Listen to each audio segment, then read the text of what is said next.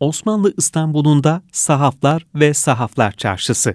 İsmail Erunsal Ortaçağ İslam dünyasında kitap istinsahı ve satışıyla meşgul olan kimselere verrak denilmekteyken, Osmanlı döneminde sadece kitap satışını meslek edinenlere sahaf adı verilmiştir. İstanbul'un fethinden sonra önemli eğitim kurumlarının tesisiyle birlikte İstanbul'da kitap ticaretinin başladığını görmekteyiz.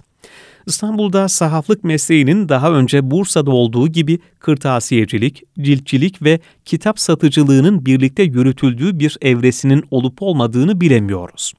Ancak İstanbul'da kitap ve kitap üretiminde kullanılan malzemenin ticaretini yapan kağıtçı, mürekkepçi ve mücellitlerle sahaflar arasında böyle bir birliktelik olmuşsa bile bunun kısa zamanda sona erdiğini ve bunların farklı meslek kolları olarak geliştiğini tahmin edebiliyoruz.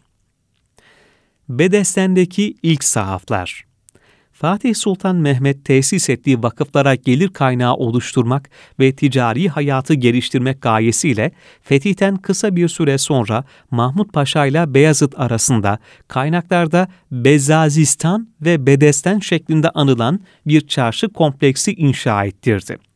Bedestenin içinde sandık, dolap ve zaviye denilen dükkanlar bulunmaktaydı.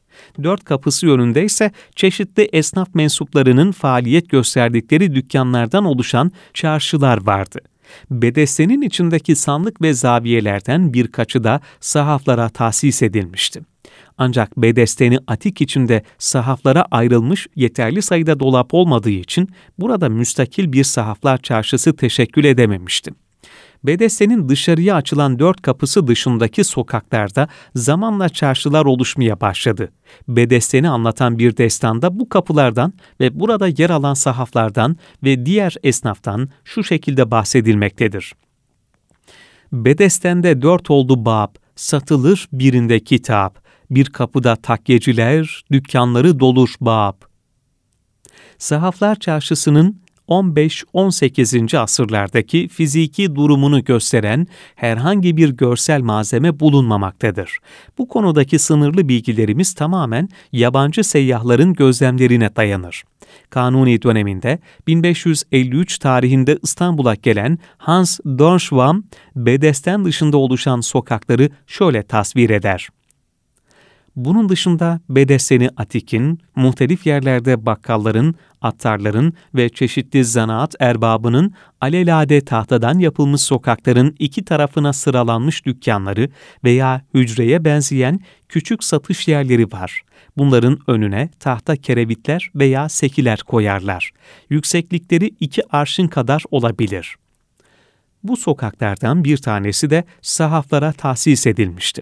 Bedeste'nin sahaflar kapısından Beyazıt Camii'ne çıkan yolun her iki tarafındaki dükkanlar zamanla Sahaflar Suku ve Sahaflar Çarşısı diye anılmaya başlandı. Sahaflar tarih içindeki varlıklarının en uzun dönemini 1894 depremine kadar bu çarşıda geçirdiler depremde kısmen harap olan Sahaflar Çarşısı'nın tamiratı kısa bir zamanda 1897 Ocak ayının ortalarında tamamlanıp aynı yıl içinde ticarete açıldıysa da sahafların büyük bölümü kapalı çarşıya dönmeyip depremden sonra geçici olarak taşındıkları Hakkaklar Çarşısı'na sürekli olarak yerleştiler ve ticari faaliyetlerini burada sürdürmeye devam ettiler. Bazı sahaflar da çarşıya geri döndü.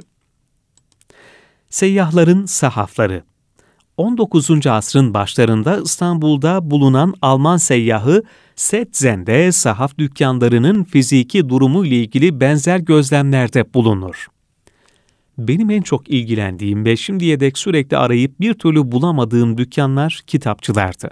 Sonunda burada iki sıra halinde yan yana dizili kitapçı dükkanlarına da rastladım. Ama bir Avrupalı için bunlar kitapçı sayılmaz. Benim ülkemde bunlara olsa olsa eski kitapları alıp alıp satan sahaf anlamına gelen büketrotler denir. Tahminlerime göre sayıları 12 kadar. Buraya sonradan oldukça çoklu sözleri eklenmiştir. Bu esnaf grubunun 19. asrın ortalarındaki durumunu yansıtan Charles White bu konudaki istisnalardan biridir. White, Bezazistan'ın sahaflar kapısı diye adlandırılan kapısının karşısına gelen dükkanları işgal eden sahafların sayısının 40 civarında olduğunu belirtir. White'ın gözlemleri, sahafların davranışları, karakterleri, müşteriye karşı davranışları, dükkanlarının düzeni, dükkanlarındaki ve çarşıdaki mevcut kitap sayısı konusunda da önemli bilgiler içermektedir. Osmanlı Bankası'nda çalışmak üzere 1864 yılında İstanbul'a gelen Rendo Pargit de Sahaflar Çarşısı'nı şöyle tasvir eder. Bu keşmekeşin eski bedestenin çıkışında az önce kat ettiğimiz kemerli yokuştan inerken, hepsinden daha sönük ve muhakkak ki sizi pek de cezbetmeyecek olan sahafların yer aldığı kısmı göreceksiniz. Çoklukta ilahiyat ve hukuk konularındaki kötü ciltlenmiş basılı eserler ve el yazmaları, Türk sahaflarının neredeyse tek sermayesi. Dillerini konuşmak zaten kolay olmadığı gibi okumayı öğrenmekte ciddi bir çalışma gerektirir yine de meraklısı ve uzmanı için bu sıradan tezgahlarda kim bilir ne hazineler bulunuyordur. 19. asrın sonlarında İstanbul'da bulunan Amerikalı misyoner Henry Dwight da terlikçiler yanındaki tonozlu uzun sokak şeklinde bahsettiği sahaflar çarşısındaki dükkanların küçük ve kullanışsız olduğunu, kitapların yığın halinde raflarda enlemesine yattığını ve kitapçıların kitapların isimlerini bulmada kolaylık olsun diye batıdaki uygulamanın aksine sırtları duvara dönük olarak yatan kitapların yan taraflarına yazdıklarını belirtir. Dükkanların iç düzenlemesiyle ilgili bilgilerimiz son derece sınırlıdır. White dışındaki seyyahlar bu konuya pek temas etmezler. White'a göre sahaf dükkanları diğer dükkanlara göre daha gösterişsizdir. Kapıları herkese açıktır. Kitaplar minderler üzerinde duran sahafların arkalarındaki raflar üzerinde veya direkler arasındaki boşluklarda yanlamasına üst üste yerleştirilmişlerdir insanı çeken bir yönleri yoktur. Kitapların dükkan içindeki tertibinde herhangi bir usul olup olmadığını bilemiyoruz. Kitapların alt kenarlarına isimleri yazıldığı için kitaplar isim yazılı kısmı dışarı gelecek şekilde üst üste yerleştirilirdi. Safi Mustafa Efendi 1709 tarihinde kaleme aldığı çeşitli meslek mensuplarına tavsiyelerini itiva eden Gülşen-i adlı eserinde sahaflara dükkanlarındaki Kur'an-ı Kerimleri diğer kitapların üstüne koymalarını öğütlemektedir. Kelamullah olursan izzetle, kütüp tevkine vaz eyle, ala dur. Safi Mustafa Efendi'nin daha sonra yaptığı tavsiye oldukça dikkat çekicidir. Bilindiği gibi hattatlar şayet yazdıkları mushaflarda düzeltilemeyecek yanlışlık varsa o varakı çıkarırlardı ki bunlara muhreç sahife denilirdi.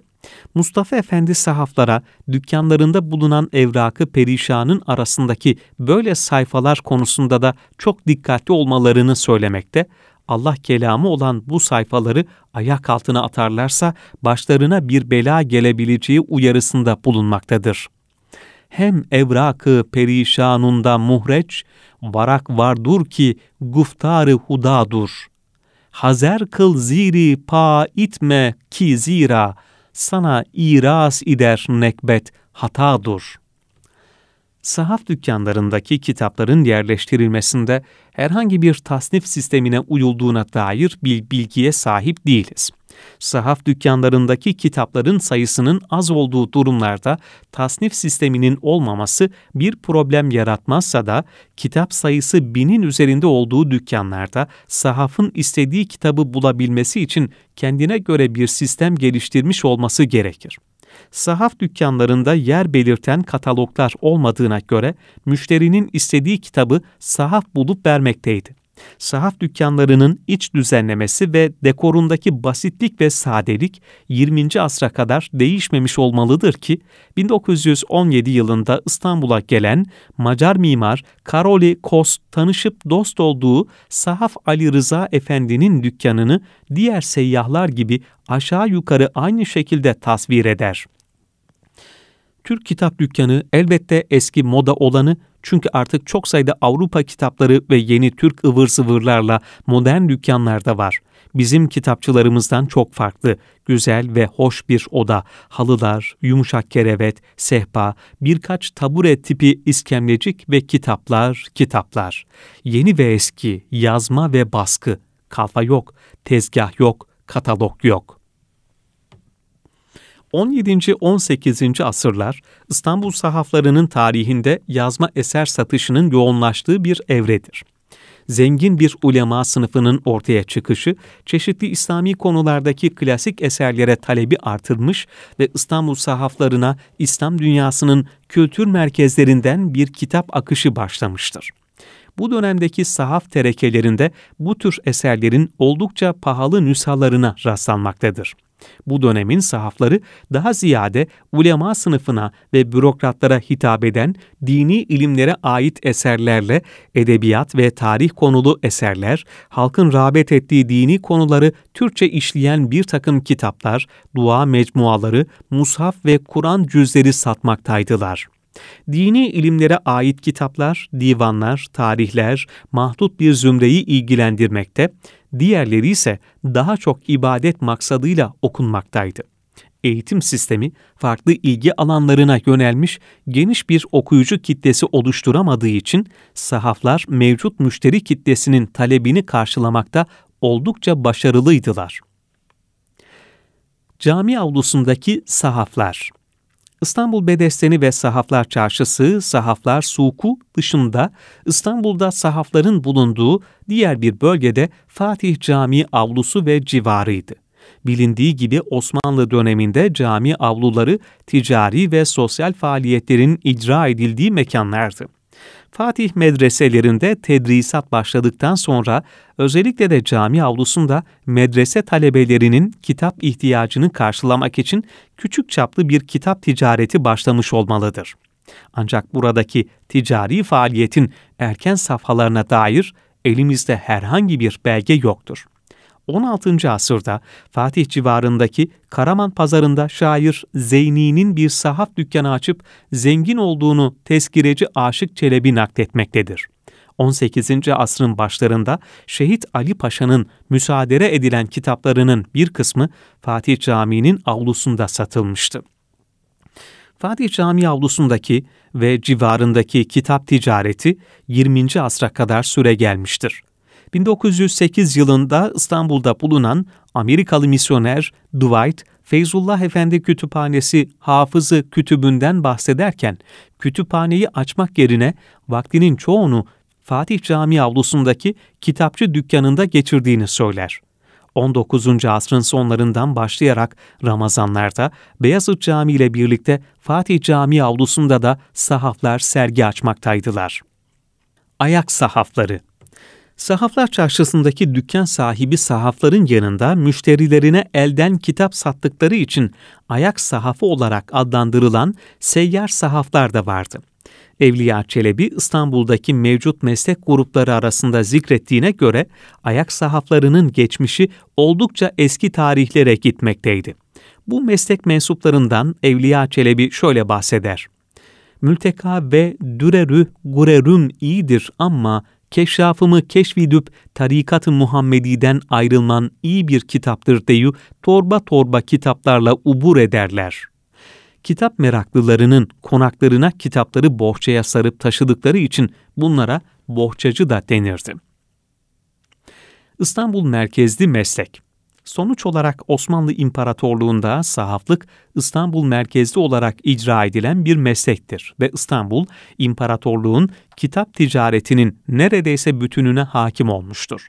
Edirne ve Bursa'nın bile İstanbul'a kıyasla kitap ticaretinde kayda değer bir varlığının olmadığı ve dolayısıyla sahaflığın imparatorluğun bu iki eski başkentinde dikkat çekecek bir gelişme göstermediği anlaşılmaktadır. İslam dünyasının kültür merkezleri olan Osmanlı topraklarına 16. asırda katılan Kahire, Şam, Halep, Mekke ve Kudüs gibi şehirlerde de sahaflık geleneği devam etmekle beraber bu alandaki ticaretin parlak dönemlerinin geride kaldığı görülmüştür.